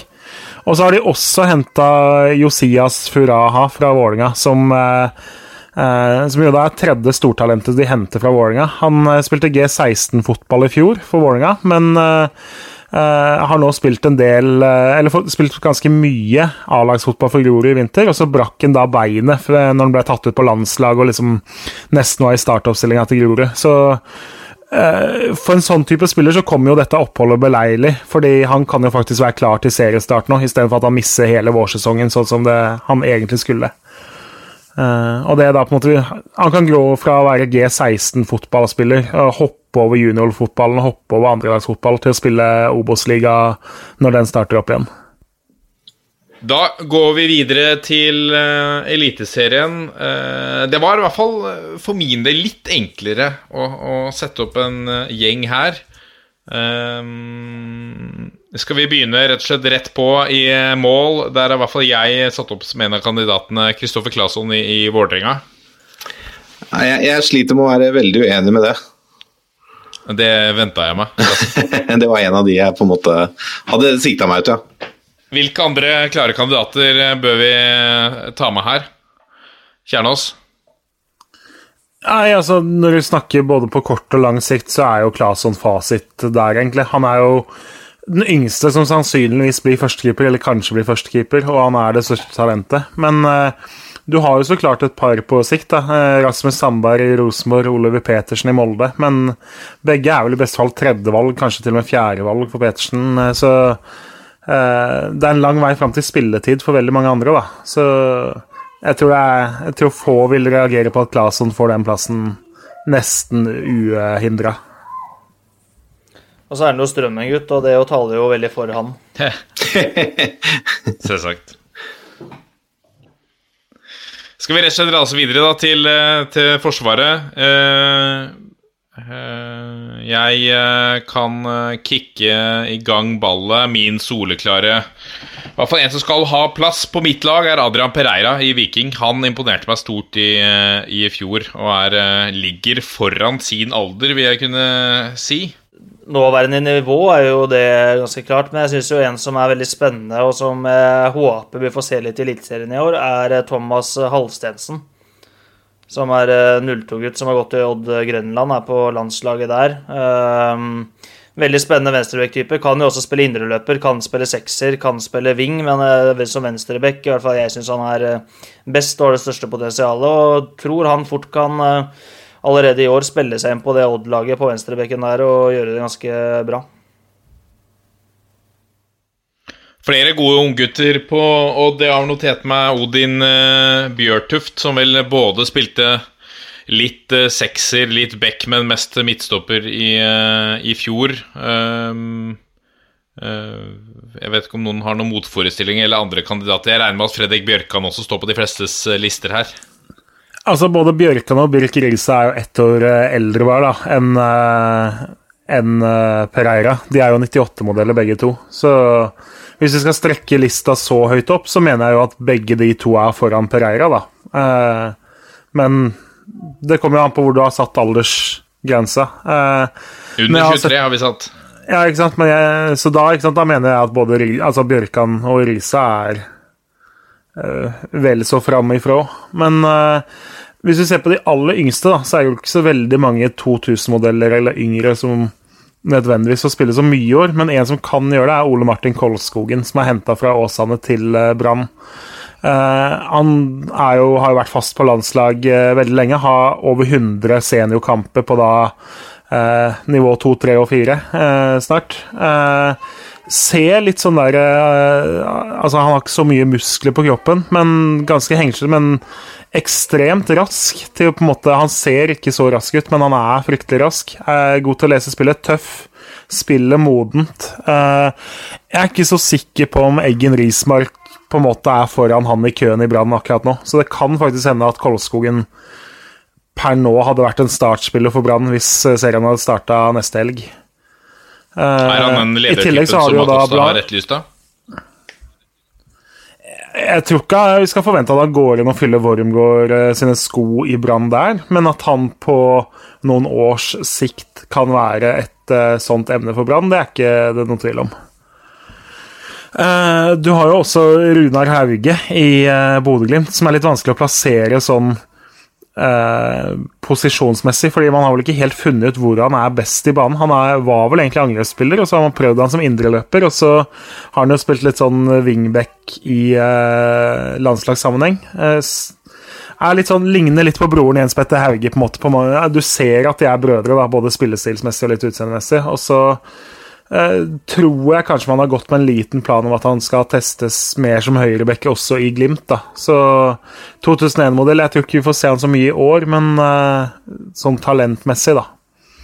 Og så må Sebastian Henriksen i Viking nevnes, som også er en midtstopper som eh, eh, spør hvem som helst på en måte som bruker mye tid på å speide på norske unge spillere. Eh, spør Hadde du fått høre med de engelske klubba som eh, på en måte følger de norske U-landslagene, så tror jeg veldig mange ville nevnt hans navn veldig tidlig. Eh, som også er en sånn stoppetur som egentlig har alle muligheter til å lykkes, men så er jo ikke sant, Nå er han et fjerde-femtevalg i eh, Viking. Det, det blir ikke så mye over tredjedivisjon for han den sesongen som kommer, da. Så eh, Men når vi sitter her om tre år, så tror jeg det ville vært dumt av oss å ikke nevne han eh, per nå. Ja, du er redd for å, for å få en eh, At vi driter oss ut når vi sitter her i tre år og ikke har klart å spå det. Ja, altså, han er jo Potensialet hans er jo så stort at hvis han får sjansen fordi to andre vikingstoppere blir skada, så tror jeg han gjør det skikkelig bra eh, allerede denne sesongen, til alderen å være. Spennende. Jeg er jo litt mm. Ja, jeg skulle bare si at jeg er jo litt i samme båt som Jørgen i forhold til dette med talenter. Jeg syns U23, da er, begynner vi å dra strikken langt, da. eh, Hvis vi skal finne de unge, gode talentene. Så jeg har på en måte prøvd å holde meg til U21, jeg, da. Og da, da mener jeg jo, naturlig nok siden jeg heier på den klubben, at eh, Kristian Dale Borchgrevik eh, bør være en kandidat på en høyrebekk. Men eh, det er mange gode der ute, altså. Men han er helt klart en type som jeg tror både har det i seg å utvikle seg videre, og som, som kanskje kommer til å få en del spilletid i år. Dere har altså bevisst misforstått eh, oppgaven her. Ja, Så jeg tar fra 99 og ned, da. Ja. ja, men Det er greit. det. Det er talentfulle spillere uansett. Det er, eh, det er spennende å høre om de som eh, er yngre, som har et største potensial. Når vi snakker, det er som dere sier, når vi snakker under 23, så er det jo veldig mange navn her som er ikke er en overraskelse for noen at det er, eh, er gode fotballspillere. Så, så det er jo kanskje hakket mer interessant å høre om de som ikke er her helt åpenbare. Skal vi gå Hvis vi nå går videre til midtbanen, f.eks., så, så er det vanskelig å konkurrere med navn som Emil Bohinen, Brynildsen, Patrick Berg, Aron Dønnum Uh, Gaute Vetti satte jeg også opp på fra, fra Odd. Markus Holmgren Pedersen. Ja. Uh, Men har vi noen, noen prospects her som, som vi bør holde øynene opp for, Kjernås eller Ole Martin? Odin Ja, Thiago Holm må jo inn på den Må Ja. inn på den der, han. Det kan sikkert Lasse og Jørgen si mer om han enn det jeg kan, men Ja, det jeg er mest usikker på der, er om vi skal uh, klassifisere han som angrepsspiller eller midtbanespiller. For han er jo satt opp som angrepsspiller i avstanden til Vålerenga, men jeg mener jo han er jo, han er jo midtbane. Ja, han har jo altså. På U-landslaget så har han jo spilt en del i den dype fordi han er så eh, langt foran på, måte, på det å fordele ballen og alt sånt, men uh, uh, har jo også vært brukt en del som indreløper nå. Jeg tror jo i 4-3-3 og sånn som ting er i Vålerenga nå, så tror jeg det er som indreløper uh, når Sjala ikke kan spille, eller som innbytter for Sjala, at han har muligheter til å få spille den sesongen her, og kanskje også er best på lang sikt, da. Men det er jo Han er jo ekstremt typete, og det er jo ment i holdt på å si, aller beste mening. Men han eh, Altså, helt rolig virker helt liksom uanfekta eh, på en måte Fotball ser ut som lek, der hvor andre på en måte kan være prega Ok, nå skal vi spille landskamp, du skal spille med flagget på brystet. Da, så er han en type som tar det like rolig som om han spiller i storefri sammen med gutta på skolen sin. på en måte. Eh, og ha kvaliteter med ball og et overblikk som jo gjør at han har vært milevis foran alle eh, på egen alder. Og heter Tiago, da, for ikke å glemme det. Ja da, har jo fått det navnet vel eh, i folkeregisteret òg. Eh, det er vel, så vidt jeg veit, fordi Tiago, altså Bayern München-spilleren, er en spiller han har stor sans for, hvis den historien stemmer. Eh, der må jo også lagkampen at Osame Sarawi nevnes. For de som har sett treningskamper av lytterne våre i vinter, så er jo det kanskje den unggutten som har stått mest positivt fram eh, i løpet av vinteren. Kommet liksom fra å ikke trene med A-laget omtrent, til å få starte og være skikkelig god og bli sammenligna med Gya Saeed, og mange av de store mediene har lagd saker på han fordi han har vært så god. Jeg tror jo Holm ligger foran i køen fortsatt om spilletid denne sesongen her, og utvilsomt er et større talent, men Sarawi må nevnes. Og så Uh, er det vanskelig igjen å komme utafor Edvard Tagseth, som jo nå kom tilbake fra, Rosen, nei, fra Liverpool til Rosenborg i vinter. Uh, også spilt en del eh, da, og som jo har vært den som har stått ut i sin aldersgruppe egentlig hele veien eh, på landslag. Uten tvil. Isak Dybvik Metta er også en Eller Mette, det er vanskelig å vite hvordan det Med T, eller noe sånt noe? Ja. Med T. Med Ja. Eh, I Ålesund der. Ja. ja, så har du altså Kevin Krygård, da, som jo eh, har vært ymta frampå med at skal spille den dype rollen nå for eh, Haugesund, etter å ha spilt indreløpere litt lenger oppe i fjor. Eh, som Hugo Vetlesen, som jo nylig fylte fem år, må jo definitivt nevnes. Fem år. Han har bursdag 29. februar, så han Ah. hadde femårsdag på skuddårsdagen. ja. Tok jeg ikke. Ja. ja, men altså For å være seriøs, altså, Hugo Vetlesen har jo ikke hatt den utviklinga man kanskje hadde håpa på de siste årene, men det er jo lett å glemme at han faktisk bare er 20 år, da, sånn eh, med normaltelling. Eh, Og har jo faktisk spilt litt som en slags venstrekant. Har også vært testa som det i Stabæk i vinter. Eh, Begynt å skåre litt mål. Har sett ut som han på en måte har eh, det er brutalt å si våkna litt, men han har jo ikke vært så god i 2019 og for så vidt 2018 som han vel var sesongen før. Nei, det er sant.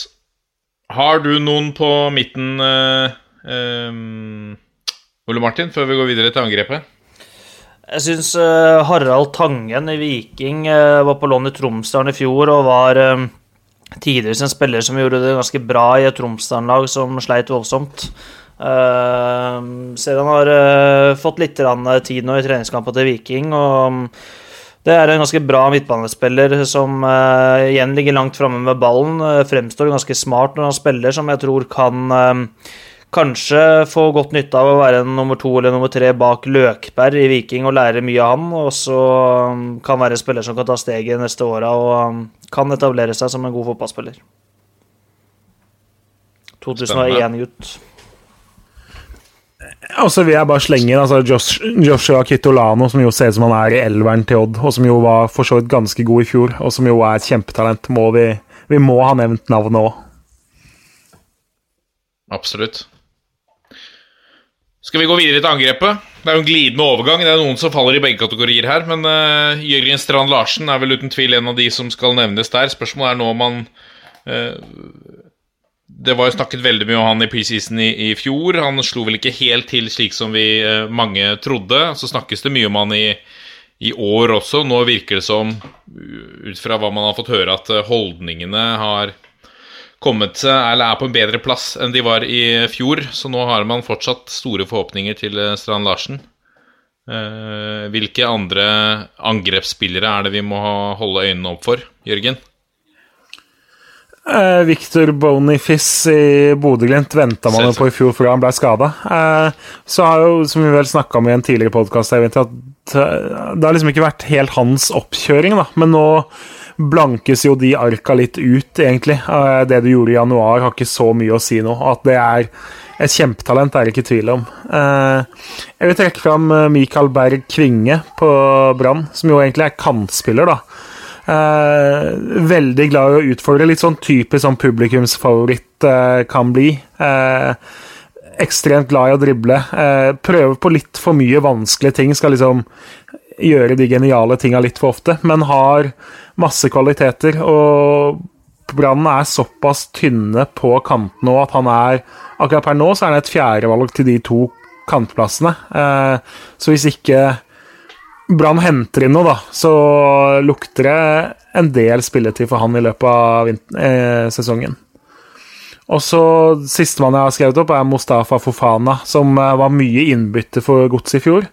Eh, er en spiller som på en måte har tatt tid, som ikke har på en måte vært eh, nådd stjernehimmelen umiddelbart, som har vært litt styrlig rundt da han var liten, men som er et fysisk kjempetalent. Lynrask.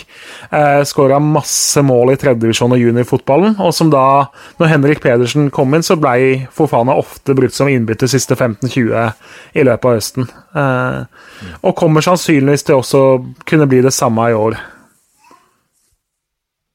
Spennende. Spennende eh, navn med eh, Navn med internasjonalt snitt, må vi kunne si også. Eh, noen flere angrepsspillere du har på blokka, Ole Martin? Du har jo to Rosenborg da, som jeg syns er spennende. Du har jo Emil Seid, og så har du jo Erik Botheim, som også absolutt bør nevnes i denne sammenhengen her. Seid er vel 2001-gutt, Botheim er 2000-gutt. Så har du, Hvis du går litt opp i alder igjen, så har du jo Oliver Vallaker Edvardsen, som gikk fra Grorud til Stabæk i fjor. Fikk litt tillit. Har eh, sett ålreit ut i vinter, syns jeg. Er en eh, spennende fotballspiller som kanskje kan få gjennombruddet sitt i år. Eh, du har Jens Petter Hauge, som allerede har vært nevnt, som også er 99, så det er jo Ja, det er flere der som kan nevnes. Og så er jo Jeg vet ikke om er veldig mange som er født etter 2002, da, som på en måte er i den kategorien, men mellom 99 og Nei. 2001 så er det jo en del spennende. Nei, og Det er jo ikke så veldig mange av de som vel ser ut til å få spilletid. Men der har du jo altså tilbake til Viking, Sondre Auklend, som jo er 2003-modell. Eh, som bak Tiago Holm vel kanskje er den det har vært snakka mest om i den kategori, eller årskullet. Eh, men som jo mangler for Han er jo liten, eh, så liksom han er ikke noe klar for noe eliteserie ennå. Eh, selv om noen har vært det i veldig ung alder, så tror jeg ikke han spiller eliteserie i år. Men uh, gi ham noen år og litt mer kjøtt på beinet og litt mer erfaring, så er det en strålende spiller potensielt.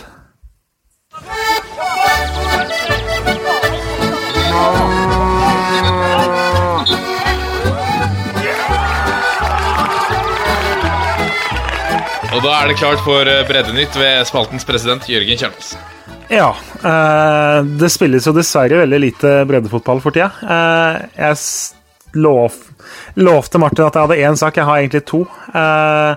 Ås Lyn var jo en av veldig mange NM-kvalkamper som ble utsatt. En, en liten tulipan sendt i retning Lyn der, som bestemte seg for å starte en innsamling til Ås, siden Ås jo gikk glipp av det som kunne blitt OK kiosk- og billettall, og samla inn penger og fikk vel inn, hvis jeg husker tallet, 12 000-13 000 kroner til eh, Ås.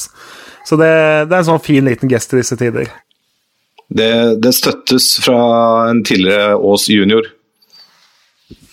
Eh, andre saken. Jeg er jo relativt glad i morsomme navn i breddefotballen, eller fine navn. Eh, vi, Elverums siste signering. Han kommer fra intet mindre enn Wembley. Wembley FC. Han har, altså, han har spilt på Wembley, men ikke, ikke på Wembley Stadium, for å si det sånn, da. Eh, men likevel spilt, spilt da på banen som ligger to langpasninger unna. Heter intet mindre enn Washington Olivio Mateus Filho. Så altså en brasilianer som har spilt på Wembley, som nå er klar for Elverum. Det er ganske nydelig, nydelig syns jeg. Det er vakkert. Den er fin. Det var rett og slett det. Eh, Vi kommer vel grusomt sterkere tilbake når det faktisk eh, spilles noe ball i bredden, tenker jeg. Dette er toppfotball. Og da er det duket for eh, spalten eh, hvis navn er foreløpig eh, spaltens president eh, sin. Spalten heter foreløpig Nesselquist. Vi savner et navn på spalten. Vi håper å få det fra, fra lytterne. Eh, foreløpig er eneste forslaget Nesselquiz. Eh, vi kan ikke kjøre quiz hver uke. Eh, men eh, derfor heter fortsatt spalten også Nesselquist. kvist. Ole Martin, hva har du til oss denne uka? Er det et nytt dikt? Det er ikke noe dikt Jeg vet ikke om man kan kalle det dikt, jeg hadde sist heller. Det var langt og litt sånn urytmisk. Men Nei, jeg, skal snakke litt om den der koronasituasjonen vi er inne i nå. For nå er det sånn at vi klubber, vi blir jo Vi også eh, blir jo prega av det som skjer, og det blir konsekvenser for oss òg.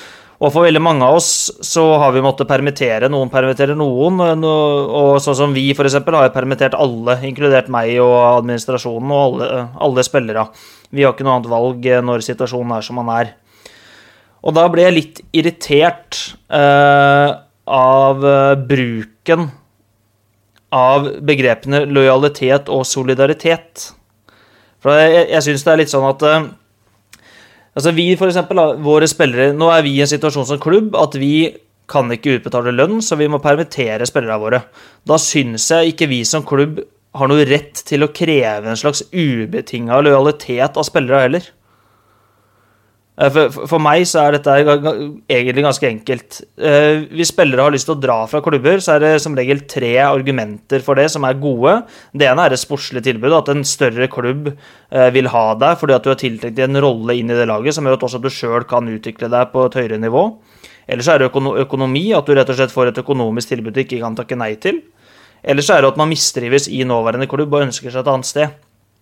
Og hvis en spiller får tilbud om eh, å kunne gå til en mye større klubb for å bli bedre og spille der, så skjønner jeg at han har lyst til det. Hvis en eh, spiller hos meg, eh, som hos oss tjener lite penger, får tilbud om å tjene veldig mye penger et eller annet sted, og få en mye bedre hverdag, så skjønner jeg at han har lyst til det. Og hvis en spiller hos meg ikke har det bra hos meg, så skjønner jeg at han vil dra et annet sted. Så dette her er egentlig veldig enkelt. Hvis klubber som permitterer spillere, sånn som oss, eh, mister spillerne sine, så kan de som regel takke seg sjøl.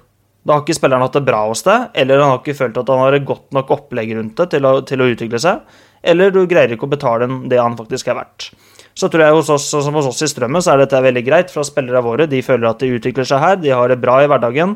De gjør seg ikke rike, men de kombinerer det med studier eller en jobb de trives med. Så jeg tror ikke vi mister noen spillere. Men vi må slutte å prate om at vi, vi, skal forvente en sånn ubetinga lojalitet av spillere som vi sjøl permitterer. For meg så blir det helt feil.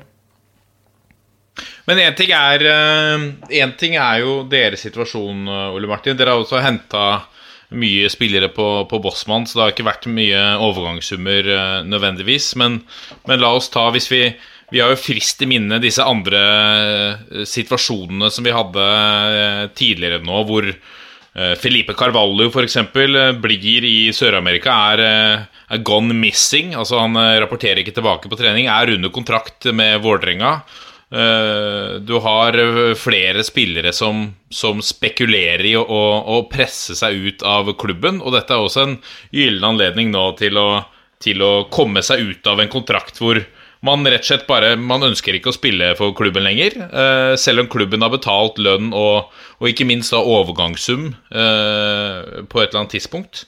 Syns du er er det et litt annet utgangspunkt dere sitter med, siden dere ikke nødvendigvis har betalt store overgangssummer for spillerne?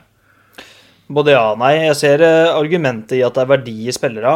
Men det er jo for eh, Altså, det er verdi i spillere våre òg, selv om ikke vi har kjøpt ut. Men vi har henta de gratis. Eh, men, men altså hvis du i utgangspunktet bruker veldig mye penger på å kjøpe spillere, så mener jeg at som klubb da, så har du sjøl et ansvar for at du har en bærekraftig økonomi i klubben som gjør at du hadde håndtert den perioden her. Du hadde ikke trengt å permittere ennå. Så hvis du velger å bruke 10 millioner på å kjøpe en spiller, så syns jeg du som klubb bør være fornuftig nok til å si at ok, men da skal vi også ha et par millioner på konto, så vi kommer oss gjennom en eller to måneder ekstra hvis det skjer et eller annet.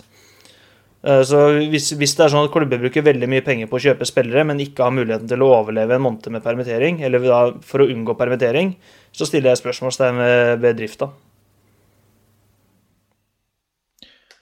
Lasse, du nikker på hodet. Mener du at, eh, at Ja, altså jeg, jeg, ser jo poenget veldig godt. At det er jo ikke Altså, Alle klubbene som nå permitterer, virker jo ikke som de har helt stålkontroll på økonomien. Og så føler jeg jo samtidig at sånn det har blitt litt nå um, i dagens samfunn, altså så har det kommet noen redningspakker som gjør at dette kan være bedriftsøkonomisk fornuftig å kjøre en permittering for å spare noen utgifter i en periode.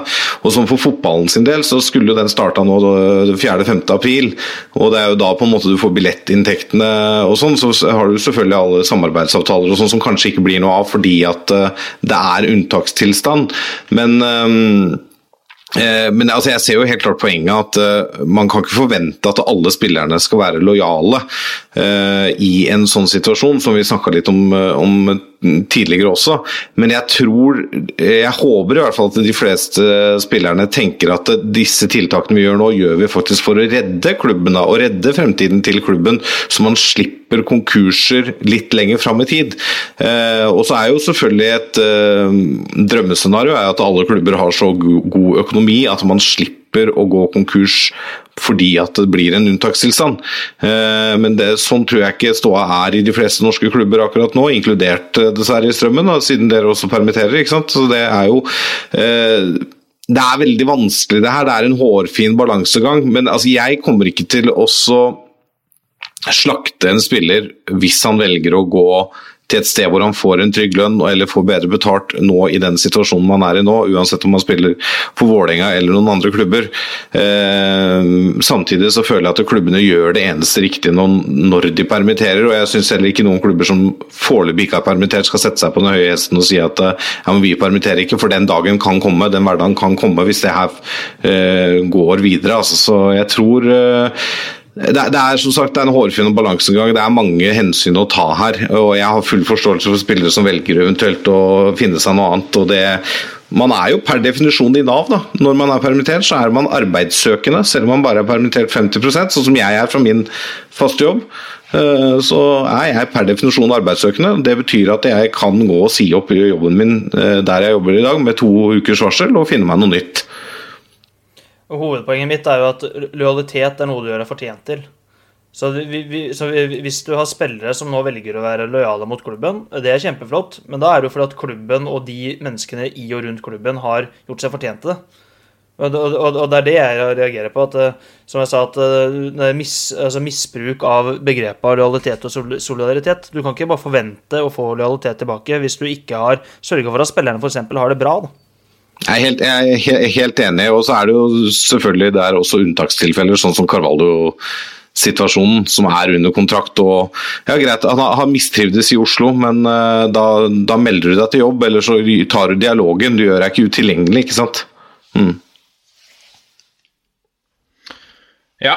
eh, jeg kan ta frem et, eh, et spørsmål som kommer fra min, min eh, kjære bror eh, i denne sammenheng. Vi skal ha lyttespørsmål litt senere, men han lurer på er ikke alle permitterte spillere nærmest forpliktet til å takke ja til klubber fra, med god økonomi i utlandet, både for å sikre egen inntekt og lagkameratenes jobber, men også fordi staten først og fremst må ta seg av folk som ikke har andre alternativer? Er det eh, solidaritet i praksis nå å, å ta et tilbud fra en hviterussisk klubb, eh, Ole Martin? Jeg, spørsmålet er om de er forplikta til å gjøre det. Det er jeg usikker på, men det regelverket der har jeg jo prøvd å sette meg inn i sånn grad de siste to ukene. Og jeg, jeg er jo permittert, og spillere våre er permittert, men eh, det er mye hvis som at dersom at det i de reglene. Eh, Så om man er eh, juridisk forplikta til det, det er jeg jo usikker på. Men eh, igjen, da, så blir det altså hvis en spiller får tilbud om veldig mye penger i Hviterussland, og, og eh, han sitter her hjemme uten inntekt og en usikker framtid, så skjønner jeg jo at han vil vurdere det. Det er ikke noe problem å se. Dette er toppfotball. Og da er det klart for lyttspørsmål. Eh, Vi begynner med et spørsmål fra Benjamin Sears, som lurer på Har dere mye fotballstæsj hjemme? Pins, plakater, skjerf, kopper osv.? Mannen som nylig har, vært, eh, nylig har vært på flyttefot, ikke nylig, men eh, kanskje den, eh, den siste av oss til å flytte, Ole Martin, på flyttelasset ditt da du kom til Strømmen, var det mye gamle skjerf og kopper og pins i, i, på lasset?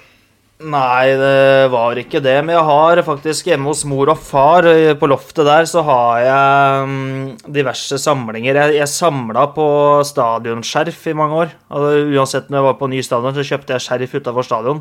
Så jeg har vel en sånn 30-40 skjerf fra en del kule kamper. Og så mm, samla jeg på drakter. Så jeg har en eh, sekk, eller flere sekker, med tipper rundt 150 fotballdrakter hos eh, mor og faren min. Men det står jo der, da. Eh, plakater og sånn har jeg aldri samla på. Hva er det mest kuriøse drakta du har? da? Oi. um,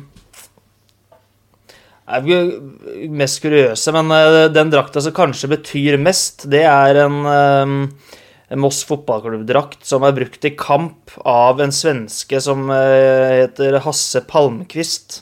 Som sikkert ikke dere husker så godt, men han var jo veldig god i svensk fotball i mange år. Og så kom han til Norge og til Moss, eh, som en sånn eh, sinnssyk signering at han kom til Moss. Dette var i 2001. Jeg spilte én kamp, og etter den kampen så fikk jeg drakta hans. Og treningsuka ja, uka etterpå så røk en korsbånd og la opp. Så jeg har drakta, siste drakta han brukte i kamp, har jeg. Eh, Så det, det var litt stort. Den er, eh, lukter sikkert grusomt nå, for den ble aldri vaska. Men det ligger mer i en sekk. Hva med deg, Jørgen? Er det noen AFC Wimbledon-effekter som pryder veggene i, i Fettsund? Nei, Å pryde vegga gjør det ikke, men det er både altså, noen drakter og skjerf. Jeg er ikke så glad i å gå på med drakt de gangene jeg er på kamp. Eh, Det er veldig lenge siden jeg gjorde det. Men skjerf er liksom Det hører med, da. Men uh, hjemme hos mamma og pappa så er det en god del fotballkort fra tidlig 90-tall til i litt for voksen alder, hvis det går an å si det sånn, som uh, ligger lagra. Det er jo definitivt. Uh, Men aldri vært noe sånn Altså, klart Når man samler fotballkort akkurat til det VM, og sånn, så er man jo ivrig, men jeg har aldri liksom brydd meg om å tenke verdi, eller om å ha alt fra alle utgaver, eller samla noe liksom systematisk på noe drakter eller skjerf eller noe, noe annet. Eh, så det er noen Hønefoss-drakter ligger vel her òg. En signert av Peter Runkovic, blant annet, som jeg fikk til jul av han. Det, den henger høyt i Du verdi- og ja? affeksjonsliste. Ja da. det er klart, når du er eh, innbytter for et lag som uh, veldig få bryr seg om, og du finner ut at sønnen til treneren har deg som sin desiderte favorittspiller, så, så, så, så setter det sitt preg på deg, tenker jeg. Det, så det var hyggelig. Vakkert. Lasse? Ja, det er, det er, jeg har noen sånne gamle ting fra tida jeg jobba i Vålinga, Det er noen drakter og noe skjerf, men det er ikke så mye, altså. Jeg har en signert Vålerenga-drakt med tallet 40 og Vangstein på ryggen, som jeg fikk av mine kjære venner i toppfotball eh, da jeg ble 40 for en stund tilbake. Den, eh, den eh, står høyt. Og så har jeg, jeg har noen drakter, Vålerenga-drakter, og så har jeg vel en Liverpool-drakt og en, en signert Barcelona-drakt, faktisk. Vakkert. Jeg tror Mine to beste, mine to favoritter er to sørafrikanske lag, Kaiser Chiefs og Mamelody Sundowns. Eh, Mamelody Sundowns tror jeg misforsto eh, draktdesignet, for det ser mer ut som en sykkeltrøye enn det ser ut som en, eh, en fotballdrakt. Det må du legge ut bilde av. Ja, det skal jeg gjøre. Det skal jeg gjøre. Vi raser videre. Vi får ikke tatt alle utspørsmål i denne sendingen, fordi Lasse må legge unger. jeg tar den. Vi tar et spørsmål fra Uh, Marius Sletten, topp fem kamper uh, vi ville sett igjen nå i disse retrotider. Vi har jo sett at det er flere kanaler nå som legger ut gamle fotballkamper. Er det noen matcher dere gjerne ville sett nå i sin helhet igjen? Vi kan begynne med deg, Ole Martin. Uh, den har jeg ikke rukket å forberede meg på, men Ja. Start Moss fra 2002, vel, på gamle Kristiansand stadion. 6-1-seier til Moss. Jeg tror det var 2002, kanskje 2001. Men eh, den eh, husker jeg godt, i hvert fall. Den så jeg live. Den har vært artig å se på nytt. Uh, Manchester United, Real Madrid, Champions League 2003. Og jeg husker jeg var en, eh, liksom, en av første kampene jeg så hvor jeg fikk sånn aha-opplevelse på hvor ufattelig gode Zidane og Beckham og Raoul og gjengen der var. Eh, fantastisk kamp. Og sånn umiddelbart kanskje de to jeg kommer på nå. Nei, altså jeg er litt sånn Jeg sliter jo med å se kamper, liksom føle spenninga sånn når man veit hvordan det går og sånn. Men uh, det hender veldig ofte at jeg drar fram straffekonken til AFC Wimbledon mot Luton uh, fra 2011. Det var den har jeg sett mange ganger. Jeg veit jo nøyaktig hvem som skyter straffene hvor, og nøyaktig hva kommentatoren sier og sånn, men uh, da får jeg faktisk opppulsen litt av å se den igjen. Ellers, altså sånn Av norske matcher så er jo da Hønefoss rykka første gang 0-0 hjemme mot Sogndal, og da rykka opp i Eliteserien, så er det eneste kampen jeg har sett sånn så hvor jeg, har liksom, hvor jeg har følt at jeg har ikke kontroll i det hele tatt liksom, på kroppen. Altså det, jeg har aldri prøvd noen sterkere rusmidler enn alkohol, men jeg kan se for meg at det var litt følelsen av noe sterkere ting som jeg sto på tribuna med da. For det var helt sånn Og så tolka jeg spørsmålet feil liksom først, for jeg tenkte liksom sånn Noen kamper som du skulle ønske blei spilt igjen, da, på en måte som at resultatet gikk helt feil, og du skulle så gjerne Og da er det cupsemifinalen til Hønefoss mot Molde i 2005 hvor man da slo ut Rosenborg. Eh, først slo man ut Lyn, så vant man på Lerkendal. Eh, og så knuste man HamKam 4-0 foran 4000 tilskuere i kvartfinalen. Eh, men med tre mann suspendert så ble det 0-1 mot Molde, som jo da ble eh, cupmester mot Lillestrøm. Og da Hønefoss med fullt lag mot Lillestrøm i den cupfinalen, det kunne blitt eh, Europacup 2006, eh, tror jeg. Var det da Olav Sonetti herja på Lerkendal? Nei, det var for Sandefjord, vet du. Når du snakker sjuke kamper, så er vel det en av de sjukeste. Da hadde jeg akkurat flytta til Trondheim. Uh, var vel kanskje første kampen jeg var på på Lerkendal. Uh, husker jeg fatters var i utlandet på et eller annet, så han sendte meg tekstmeldinger og spurte hvordan det gikk. Og jeg da svarte liksom Jeg husker hvor mye det var da, men 4-1 Olav Sanetti har skåra to og redda to på streken, liksom.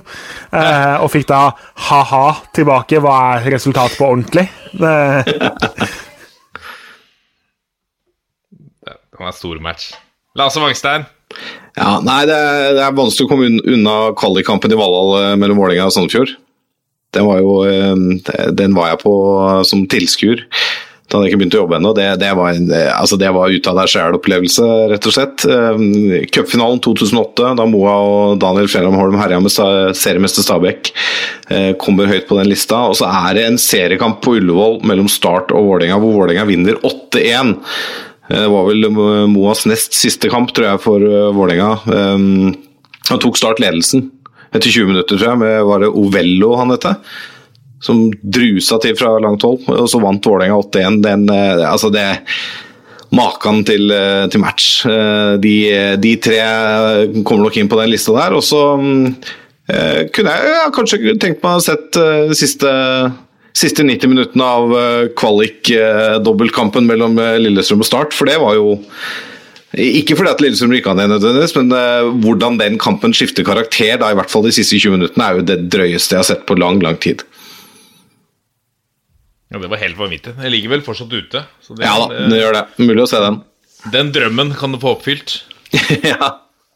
Eh, For meg så er det én match, eh, ingen over, eh, ingen ved siden. Det er Ørn Vålerenga 2001. Eh, 3-2. Ørn sikrer plassen fire minutter på overtid ved at eh, 36 år gamle Helge Fjell skårer, selvfølgelig. Jubles, bejubles av klanen og hylles av eh, eh, kommunen og blir æresborger, og alt er bare vakkert. Så eh, til eh, de som sitter på arkivene til TV Vestfold, vennligst ta kontakt. ja, ikke sant. Resten av Vi har fått eh, flere gode lyttspørsmål. De skal vi spare til eh, neste sending. Nå er vi i hvert fall eh, i gang igjen fra, fra hjemmestudio. Så får vi håpe at, at serien også snart kommer i gang. Det er vel ytterst tvilsomt at det skjer, i hvert fall i, i første omgang med, med publikum til stede. Eh, Men at det i hvert fall skjer litt, sånn at vi har enda litt mer å, å snakke om. Det gleder vi oss til. Men har vært, eh, det har vært verdi i dette òg. Det er verdi i å diskutere spennende ting. Og, og serien skal jo i gang igjen. Eh, Så vi gleder oss til å se hvem av talentene vi har spådd her, som slår igjennom.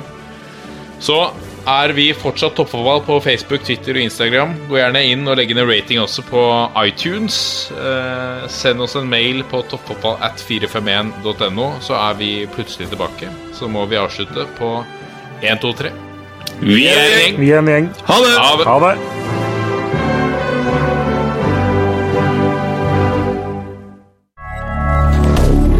Moderne media.